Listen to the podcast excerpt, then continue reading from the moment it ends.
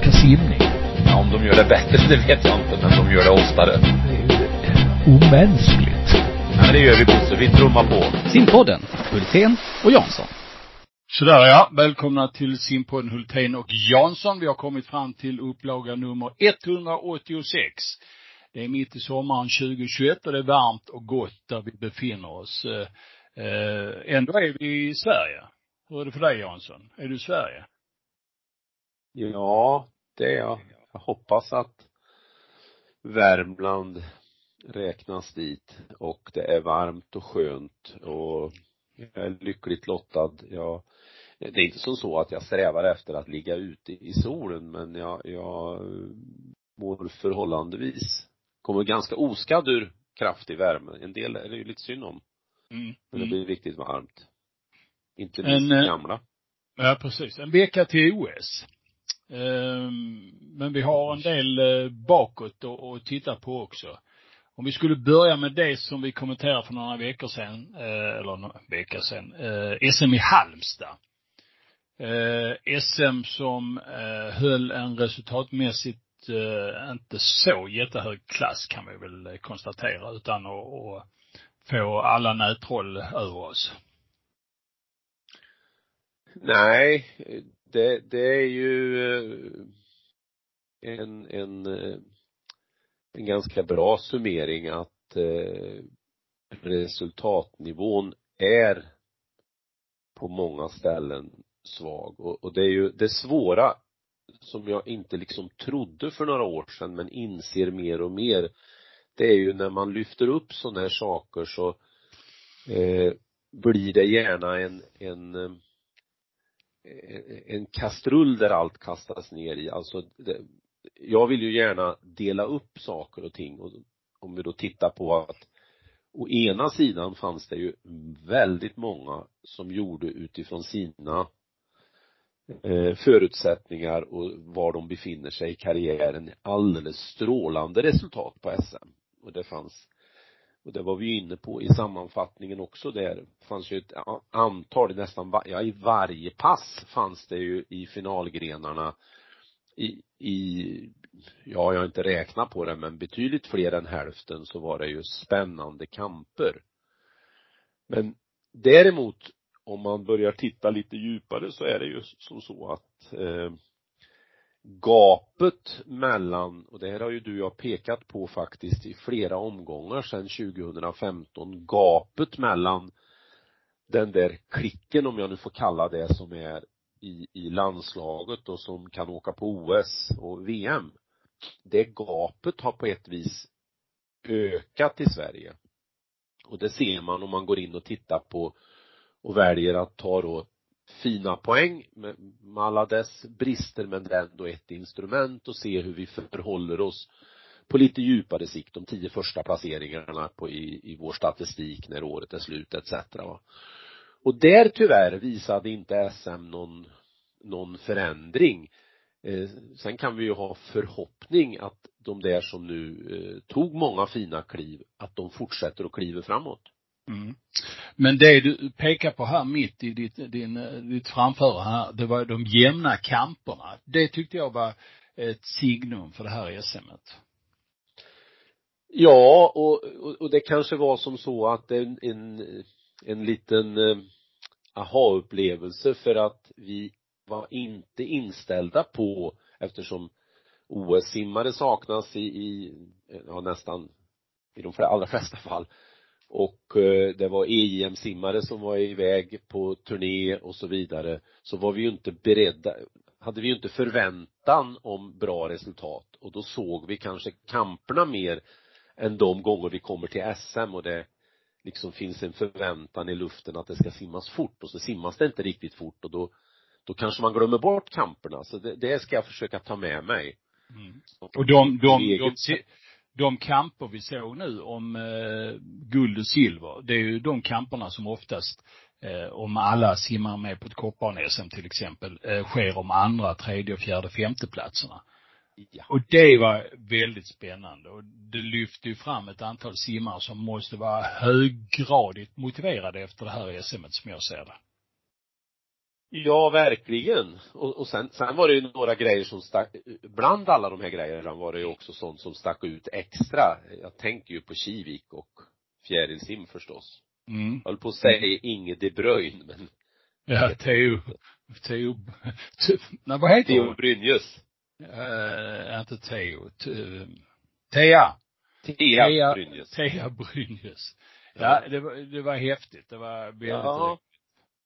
Och, och, och väldigt, jag, jag gillade verkligen att Anders Molin gick ut och eh, skrev av sig lite grann hur han tänker. Jag, jag skulle ju uppskatta om väldigt många fler gjorde det och att det blev så högt i tak att man kan verkligen se på saker utifrån en, en, lite olika perspektiv. Jag tyckte det var jätteintressant det Anders skrev. Det, det blev eh, eh, ja, det, det, och jag ska säga så här också. Det finns ju lite forskning kring de här grejerna som ju tyder på att eh, man kan hämta väldigt mycket med på väldigt lite tid. Mm. Alltså hämta mycket utveckling. Jag snackade var med Ander, Anders dagen efter eh, SM, eh, efter det här hade hänt och då når jag honom klockan halv sex. Och då står han på Tobiksviksbadet med ett antal simmare, bland annat eh, då med Thea framför sig i ösregn och eh, simmar ett pass. Och eh, paceklockan hade gått sönder så att han fick köra hela middevippen där i den här gamla bassängen och få det att rulla runt. Och det, ja, det var business as usual. Och det, det, det kändes, eh, kändes rätt att de hade landat i, i just den eh, grejen att det var inte för mycket firande utan som sagt var, snabbt tillbaka i bassängen. Och Anders känns yngre än många yngre. Mm. Så kan det vara. Han har ju en eh, öppen konstnärssjäl som, eh, han är ju konstnär. Så att, eh, och han är inte bara konstnär vid eh, bassängkanten utan också vid staffli- stafflit och, och det gör ju att han, han är öppen för intryck. Eh, och har varit med så länge nu så att eh, där bor inte så mycket principer och prestige i hans eh, kropp så att han, han kan jobba på. Kul för honom. Och det är inte Ja. bara, bara den här tjejen utan det finns ju fler där. Eh, Det var ju fler som tog medaljer från Kivik och det, jag Ja. menar, det ska vi komma ihåg. Ja, det var SM. Var det något mer där från SM som du tyckte eh, var bra? Förutom jag tyckte det var ett ganska bra arrangemang. Eller ganska Jag bra. Jag ska, inte, jag ska inte uttrycka mig så utan det var ett bra arrangemang. Ja, som det ofta är på de flesta av de här ställena som har haft SM några gånger så är ju eh, arrangörsstaberna duktiga på att få till det och man fick ju till det också utifrån corona perspektivet. Eh, Mm. Sen är det väl en del som har eh, till mig uttryckt att man kunde ha varit lite mer generös och släppt in de deltagare, eller de den publik som kanske ville komma för man hade ändå ett utrymme på en 30 till 50 personer att man skulle ha varit lite generös då från första juli men det tycker jag jag, jag tyckte man gjorde det här väldigt bra och så gillar jag också eh, att man eh, nu på allvar försöker göra något av sim och idrotts-tv så det hoppas jag att man fortsätter med oavsett vilka konstellationer som jobbar med det. Mm. Mm. Det var SMD.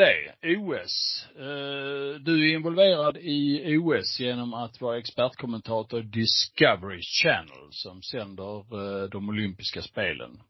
Eh, som kommentator så har du ju cykelproffset Roberto Vacchi. Har du förberett dig ordentligt nu Jansson? Ja, jag törs inte säga att jag är, är, är klar så att jag, du vet när man ska hålla någon, någon större föreläsning så, så jobbar man ju och så kommer man till en punkt när man känner att nej, nu får det vara där, nu är jag liksom beredd. Dit har jag inte kommit än, men jag har eh, fyllt två permar med lite olika, för jag gillar att ha i, i perm, det kan passa bra när man är där och, istället för att bläddra i datorn hela tiden, för i datorn vill man bläddra efter lite andra grejer som sker. Så det har jag väl gjort och försökt att titta på eh, OS ur ett både historiskt perspektiv, eh, lite utifrån eh, Eh, hur ser marknadsandelarna ut om man bara läser av vad som har hänt 2021 och då har jag använt mig av Finas statistik. Hur ser, hur ser det ut mellan länderna och eh, eh, mellan världsdelarna?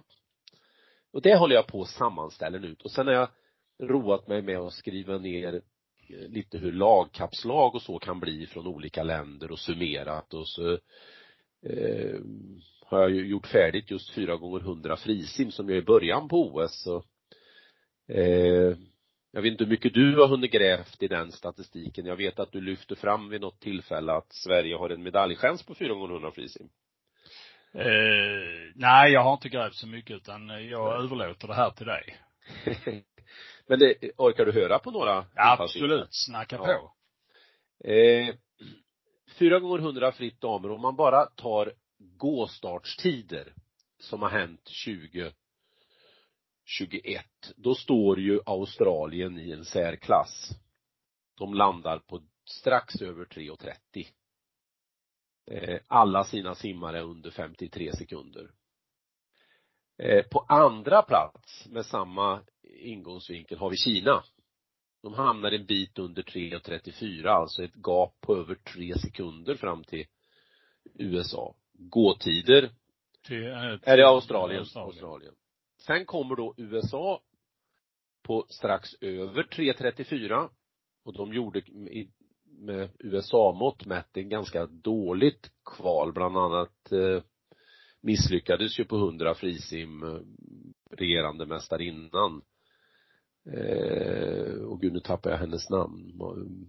Och, ja, hon kvalade in på 50 frisim sen. De kommer på drygt 3 och 34. Kanada kommer på 3, 34 och 5. Eh, och det innebär att någonstans får de där fyra vara med och, och det, Australien guldfavoriter, medaljfavoriter, Kina, USA, Kanada. Sen underifrån då trycks det på, om vi tar Holland, de har ju en superduo eh, på två sträckor. Sen är det lite tunnare, så de ramlar en bit över 3,35. Frankrike ramlar också några tiondelar över 3,35. Eh, och England, alltså Storbritannien är det ju på OS, handlar också några tiondelar över 3,35. Och det gör ju också Sverige.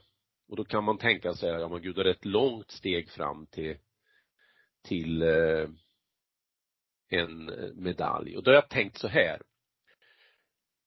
Australien, det är klart att USAs lag, de har en tradition att göra lagkapper bra och eh, jag tror de kommer att simma betydligt snabbare. Jag tror inte det kommer att skilja tre sekunder mellan eh, Australien och USA. Men jag tror USA hamnar på prispall. Kina har inte samma riktig tradition fyra gånger hundra frisim att vara med där i en sån där lagkapp. De kommer att bli hotade av då till exempel Kanada som ju blev väl diskvalificerad har jag för mig i, i, i Rio på den här lagkappen. De blir också livsfarliga för medalj. Och sen har vi då Sveriges lag som man kan dissekera lite. Där har vi då 53-47 på, som bästa tid på Sara tänker man då, ja, Sara skadad, hon kommer att vara tillbaka, då helt plötsligt ramlar vi in i medaljstriden ordentligt. Sen kan vi konstatera att Michelle Kohlman var tid, eh, har inte visat upp sitt 2019-jag än, men det fanns ett embryo till det i, i eh, Rom. Och så har vi Louise eh, Hansson som var tidigt uttagen och därmed kanske har lite kvar att, att, putsa på när det gäller frisimmet. Så då lyfter jag in Sverige som en i allra högsta grad eh, kandidat till att kunna vara med och ta en medalj på 4 gånger 100 frisim. Och simma neråt 3.32. Mm. Mm. Så, Spännande. Gott folk, gott folk, följ den lagkappen. Ja. Eh, det och medellagkappen, det är ju det som gäller för svensk del. Det är de två lagkapparna som vi är med i. Tyvärr bara i de två av eh, sex möjliga ju. Så att eh, det är lite synd. Mm, sex, sju möjliga ska jag säga. Och, och på medellagkappen utan att gå in i detalj där så, så ser det ju lite ljusare ut än 4 gånger 100 frisim på pappret. Mm. Mm. Mm. Mm. Eh, men den ska man ju inte kanske gräva mer i förrän man har sett några grenar gått på OS. då får man en bild och kunna, medan 4 gånger 100 fritt är ju liksom första dagen. Mm. Mm. Det då har man ju bara statistiken bakåt att gå på. Så det blir, det blir kul och sen, men när man tittar då in i, i statistiken så är det ju Sofie Hansson som är den som är högst rankad av alla svenskar. Mm. Hon Mm. är fem, femte plats i den statistiken. Hon har sin syster Louise på åttonde. På 100 fjärilsim. Ja. Och sen är det eh, Sara tror jag var tia eller elva. Erik Persson är runt tionde. Så det, visst finns det chans till en hel del finalplatser också. Ja. Så ja. toppskiktet i Sverige, det, det är ju det som jag sa inledningsvis blir så svårt när vi å ena sidan då ser de här toppartisterna och så samtidigt säger vi att ja, vi har en hemläxa att göra hemma. Mm. Mm. Det är inte tillräckligt bra va. Och då, och då blir det här och de här att stå lite mot varandra men det är ju egentligen två frågor som ska behandlas helt separat. Så jag är jätteförväntansfull på OS. Ja. Trevligt.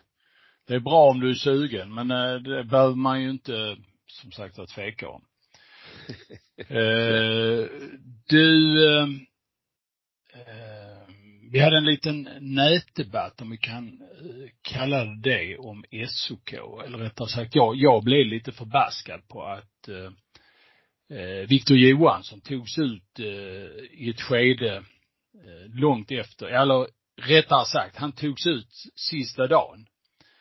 Han fick ju alltså en inbjudan från SOK eftersom det inte var fullt på hans distanser på OS som är väldigt, väldigt ovanligt. Så får han ju alltså en inbjudan från SOK eh, via IOK då, IOKs inbjudan att deltaga för att fylla ut eh, hiten och kommer då in på den kvotering som SOK kallar framtidskriteriet. Och då, då tänker jag så här att eh, med tanke på hans bakgrund, eh, då skulle han ju kunna få varit lite mer förberedd på detta. Han hade ju tävlat klart för säsongen och, och ställt av OS så att säga, misslyckats i kvalet och sen så simmade på SM och han gjorde någon dålig 1500 i, i Rom och så här.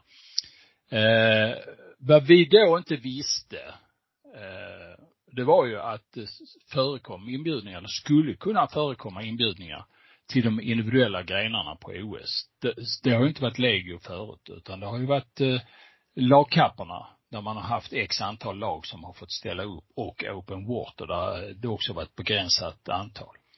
Men nu blev det alltså då i det läget att eh, Viktor Johansson bjöds in eftersom det inte fanns tillräckligt med folk. Då kan man ju säga så här, ja, vem skulle kunna förutsett detta? Ja, det kanske man skulle kunna om man hade haft eh, riktigt ordentlig koll eller om det hade funnits ett transparent system här med, med anmälningar. Och eh, då kunde ju den här Viktor då, eh, som vi vill så väl och som har haft ett eh, tufft, en tuff väg fram till OS, hade han kunnat förbereda sig på ett lite annorlunda sätt, inte stoppat sin träning, konstaterat att han hade misslyckats, utan han skulle kunna fortsätta att träna, och hitta en ny träningscykel fram mot OS. Nu fick han liksom börja om igen efter att ha blivit inbjuden. Och det blev jag lite kokt på. Och i ett eh, lagom känslomässigt inlägg eh, på Facebook så ger jag uttryck för detta. Men då får jag dels en teknisk rättelse av Isas Eliasson som i ett eh, väldigt eh, trevligt och balanserat inlägg förklarade hur eh, det här fungerar nu och den information som simmarna enligt honom har fått. Och sen så kom, kommer då x antal nättroll och liksom spyr alla. att du säger nättroll. Ja, men det är, det är de här, de här som inte använder argument utan eh, spyr på person istället. Det finns ju några sådana inom simningen också. Tyvärr, eller som tur var har vi inte så många i simningen som man har i andra idrott. Och då kan man konstatera att eh, då, då är ju, är ju det här känslomässiga utbrottet, det är liksom Eh, då får man äta upp allt annat, att vi har spytt på SVT och sånt. Och helt plötsligt blir folk som försvarar SVTs skitsatsningar som vi har hatat. Eh, kommer fram och ja, ja, det är rent soppa. Men i vilket fall som helst så kan vi nu konstatera att Viktor är på plats och vi, ingen är ju mer glad för detta än både du och jag. Eh, eftersom vi eh, har supportat och eh, följt eh, Viktor på ett väldigt speciellt sätt under flera år.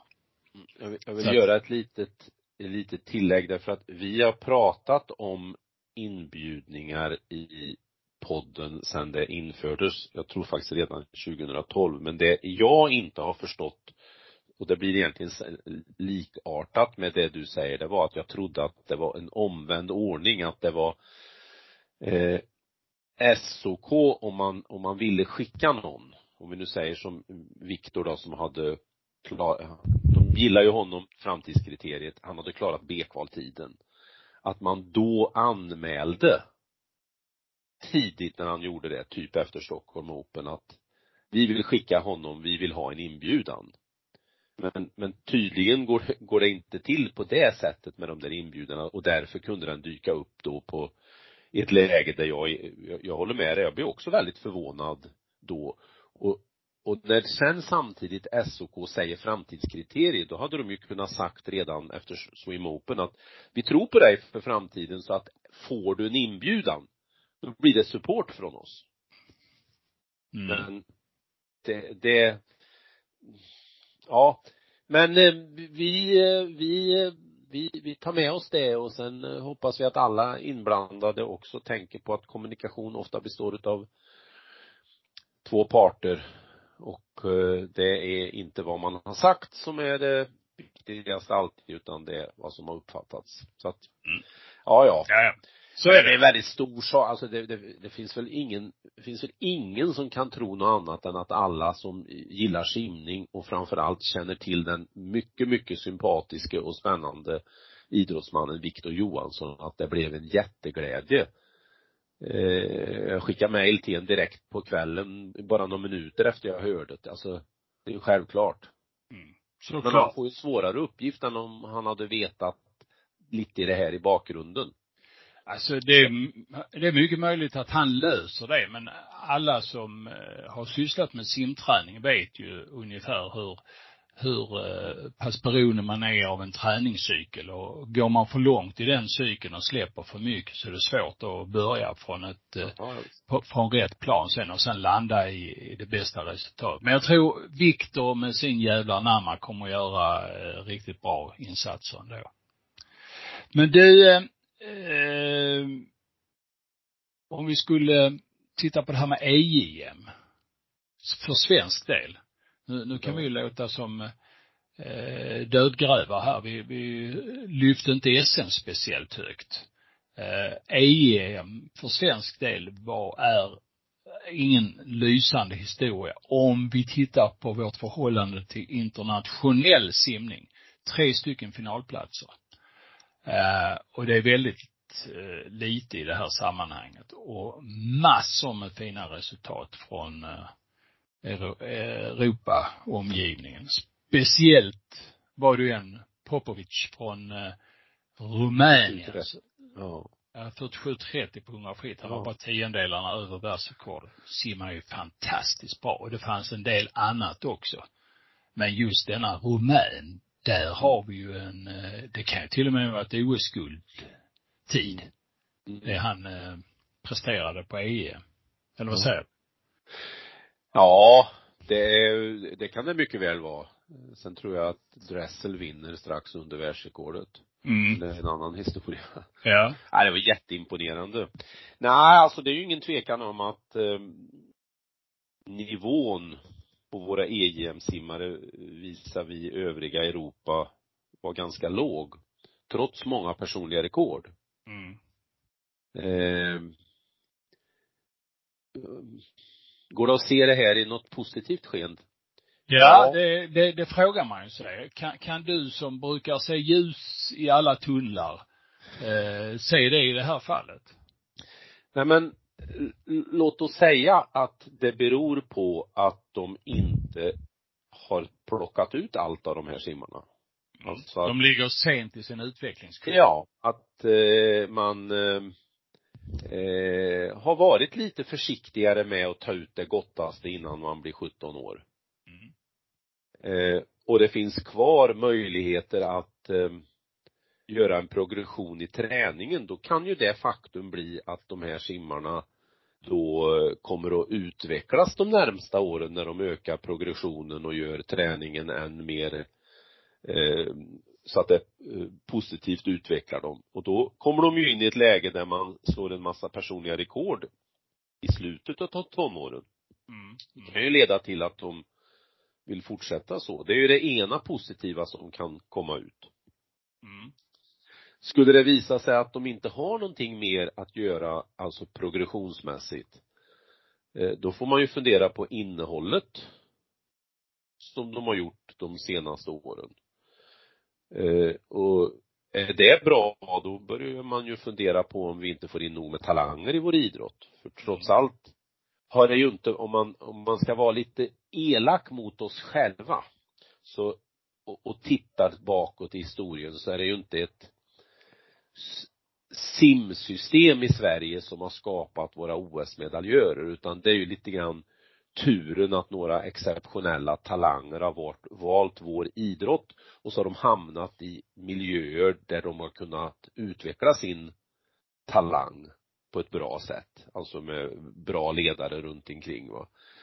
Men det är fortfarande lite slumpen. Jag menar, hade Sara valt eh, basket som ju fanns som en, en möjlig faktor, eller hade eh, Lasse Frölander valt ishockey, så hade ju våran simstatistik sett annorlunda ut. Trots att vi hade gjort samma saker runt om i landet. Mm.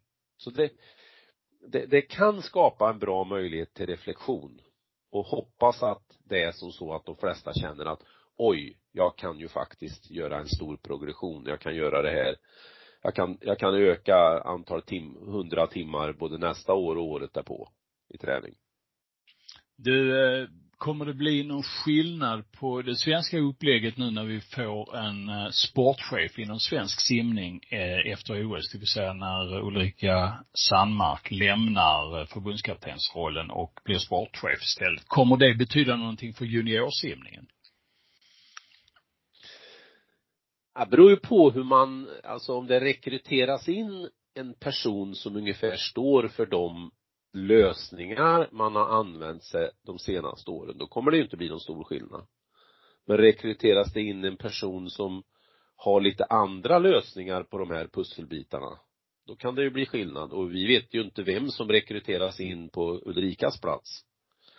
Eh, men är det som man vidhåller sitt sätt att se på simningen i ett litet land med det klimatförhållande vi har, med den bassängproblematik vi har, då blir det ännu svårare i framtiden för simkartan blir bara tuffare och tuffare. Men jag tänker så här, eh, nu får vi en mer uttalad sportchef. Rätta mig om jag har fel. Eh, har vi inte saknat en sportchef under några år här? Som har haft ett eh, övergripande ansvar, eller är jag helt fel initierad och informerad om detta också? Nej men vår organisation är ju så stor så att det är klart att det borde vara en, en, eh, en funktion sportchef som då tar hand om det övergripande. Men, men vad jag menar var att om, om, om vi, vi tar ett sånt här exempel, om två klubbar samarbetar blir det ju inget bättre om bägge klubbarna har samma sätt att jobba. Då tillför de ju inte varandra någon, någonting egentligen. Eh, och det är ju samma sak här, om man rekryterar människor som tänker lika hela tiden, då blir det ingen eh, progression och utveckling, då blir det inget tuggmotstånd i beslut och, och det är ju möjligt att vi har ett klimat som tillåter för lite tuggmotstånd, där vi får stor affär när några eh, kanske käftar emot lite grann hur tingen ska vara. Mm. Så att, mm. visst, sportchef kommer att betyda, om det sen betyder konkret något för ett juniorlandslag på sikt, det, det var ju, det var ju det som var min fråga så att säga. Ja. Det, det, det, det hänger ju på vilken person som kommer under Ulrika. Mm. Mm. Mer än Ulrika, vill jag påstå. Ja. ja. Du, eh, SVT eh, har vi haft åsikter om och tyckt och tänkt mycket om. Eh, vi har varit positiva. Ja. Va? Inte jag, jag har väl aldrig tyckt något. Jo, lite. Om en SVT.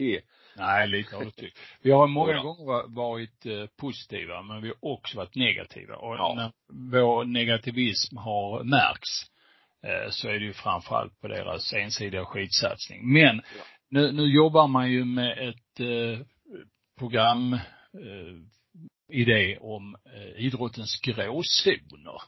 Och det är ju rätt så spännande eh, att bege sig in i den. Man har snackat om skor. Och det, är- då, då snackar vi om friidrottsskor. Det är inte löparskor. Det är inte, förlåt mig, fotbollsskor och sånt, utan det är ju alltså friidrottens skor. Eh, jag har snackat om eh, träning i höghöjdstält och sen så tillförsel av syre under träningen.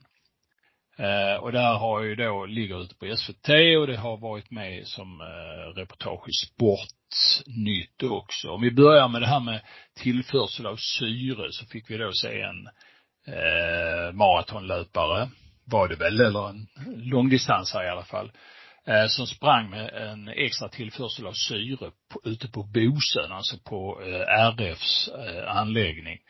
Eh, och eh, SOK, Sveriges Olympiska Kommittés Peter Reinebo och eh, läkaren då Bosse Berglund, välkänd eh, sedan må- många år tillbaka, de var ju väldigt negativa mot detta. Och ser detta som, som, ska vi kalla en, en gråzon, eh, nästan till dopning. Vi ska konstatera att detta är då inte förbjudet. Va? Eh, och du har tittat på det här. Har du tankar och åsikter i frågan? Jag tycker det är jättekul och spännande att eh, det blir den här typen utav eh, sportreportage. Reportage. Mm. Eh, jag kan tycka ibland att alldeles för mycket liksom hyllningskörer hit och dit och, och, och som egentligen inte tillför så mycket. Så det här var kanon, intressanta ämnen. Lite analyserande för en gångs skull. I, ja, och, och om vi tar då det här med att träna med ökad syretillgång. Det har ju då sin, sitt ursprung i att vi på, med, i, hos IVA-patienter tillför de syra som ligger med eh, Eh, som behöver all syre det kan få och vad, vilka positiva saker som sker. Och jag tycker ju att det är helt rätt att vi på en sån anläggning som Bosön genomför tester och undersöker saker. Sen, sen om slutsatsen ska bli att vi ska rekommendera det till våra idrottsmän, det är ju för det första alldeles för tidigt tycker jag att, att dra den slutsatsen. Men att vi i Sverige ändå tillåter oss, för vi, vi- är ju ganska noggranna med säkerheter och så vidare, så jag ser ju ingen fara i att man eh, om jag uttrycker mig lite slarvigt, experimenterar lite granna. Så jag tycker det är spännande och det är väldigt spännande i kontrasten mot det omvända, att du åker på hög höjd och tränar med mindre syre. Som ju på ett vis blir en motpol. Mm. Och där gör du det för att du vill öka mängden av det kroppsegna eh, hormonet EPO. Och det tyckte jag också var bra att man så tydligt k- klarar ut, för det tror jag inte alla alltid har förstått när man har pratat kring olika ämnen att eh, EPO är ett eget ämne, sen kan man stimulera det på olika sätt. Höghöjds, att vistas på hög höjd, sova eller träna och så vidare är ett sätt, att ta piller är ett annat sätt. Mm. Mm.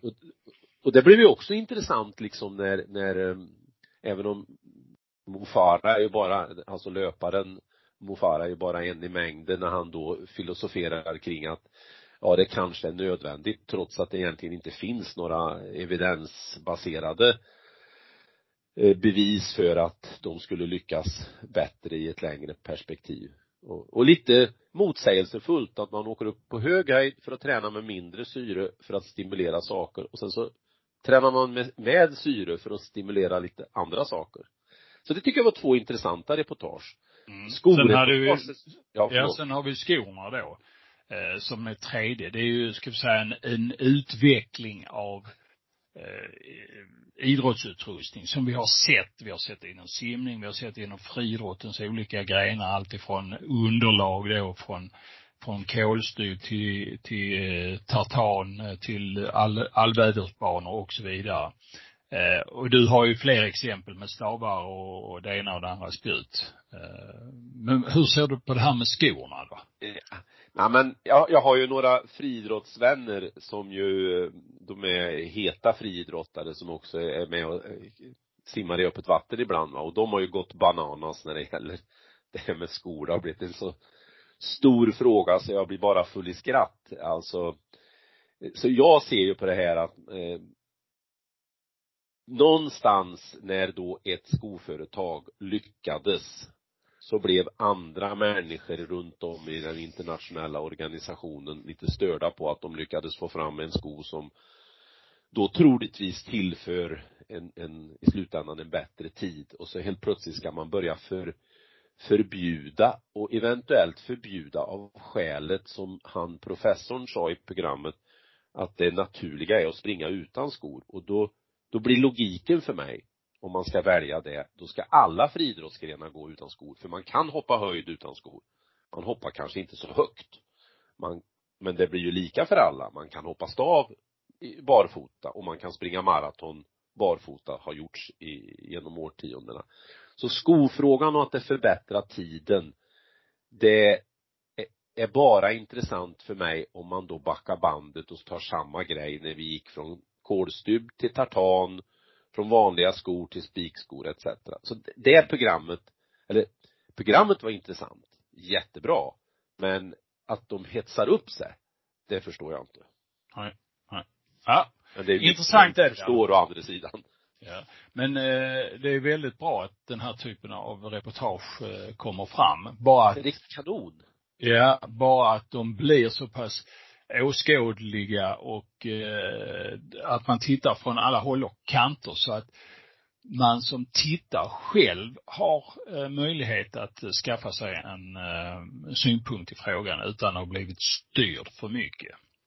Och, och här är det ju fantastiskt med vår, vår, att vi med den statliga televisionen har tillgång till streamingtjänster här och det är kostnadsfritt och så vidare. Det är ju en Eh, det är ju verkligen framsidan av den eh, svenska televisionen. Mm.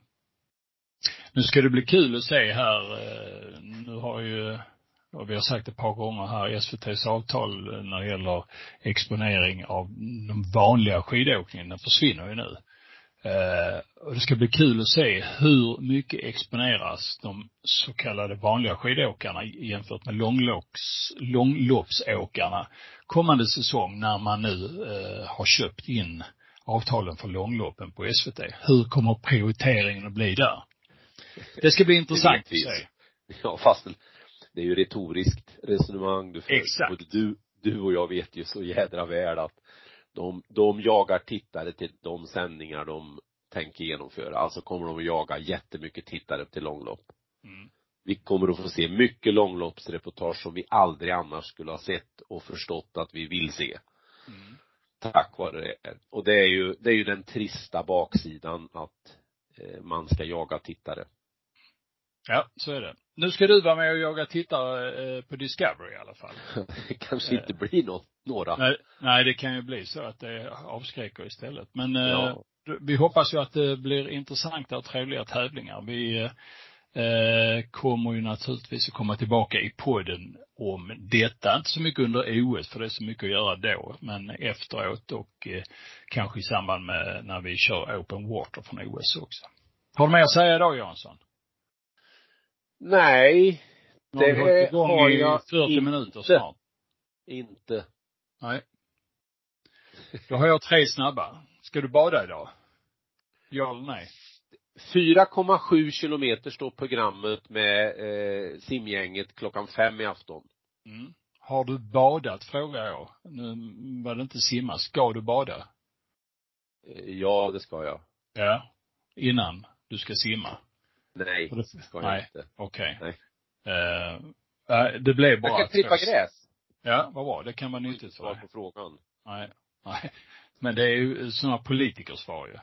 Vi hade ju intressanta politiska debatter under, och diskussioner under SM i eh, Halmstad eh, i en liten grupp och vi kan väl återkomma till det med något tillfälle men eh, mer om det idag eh, blir det dock inte utan nu vänder vi fokus åt Kungsbacka och eh, eh Sumsim.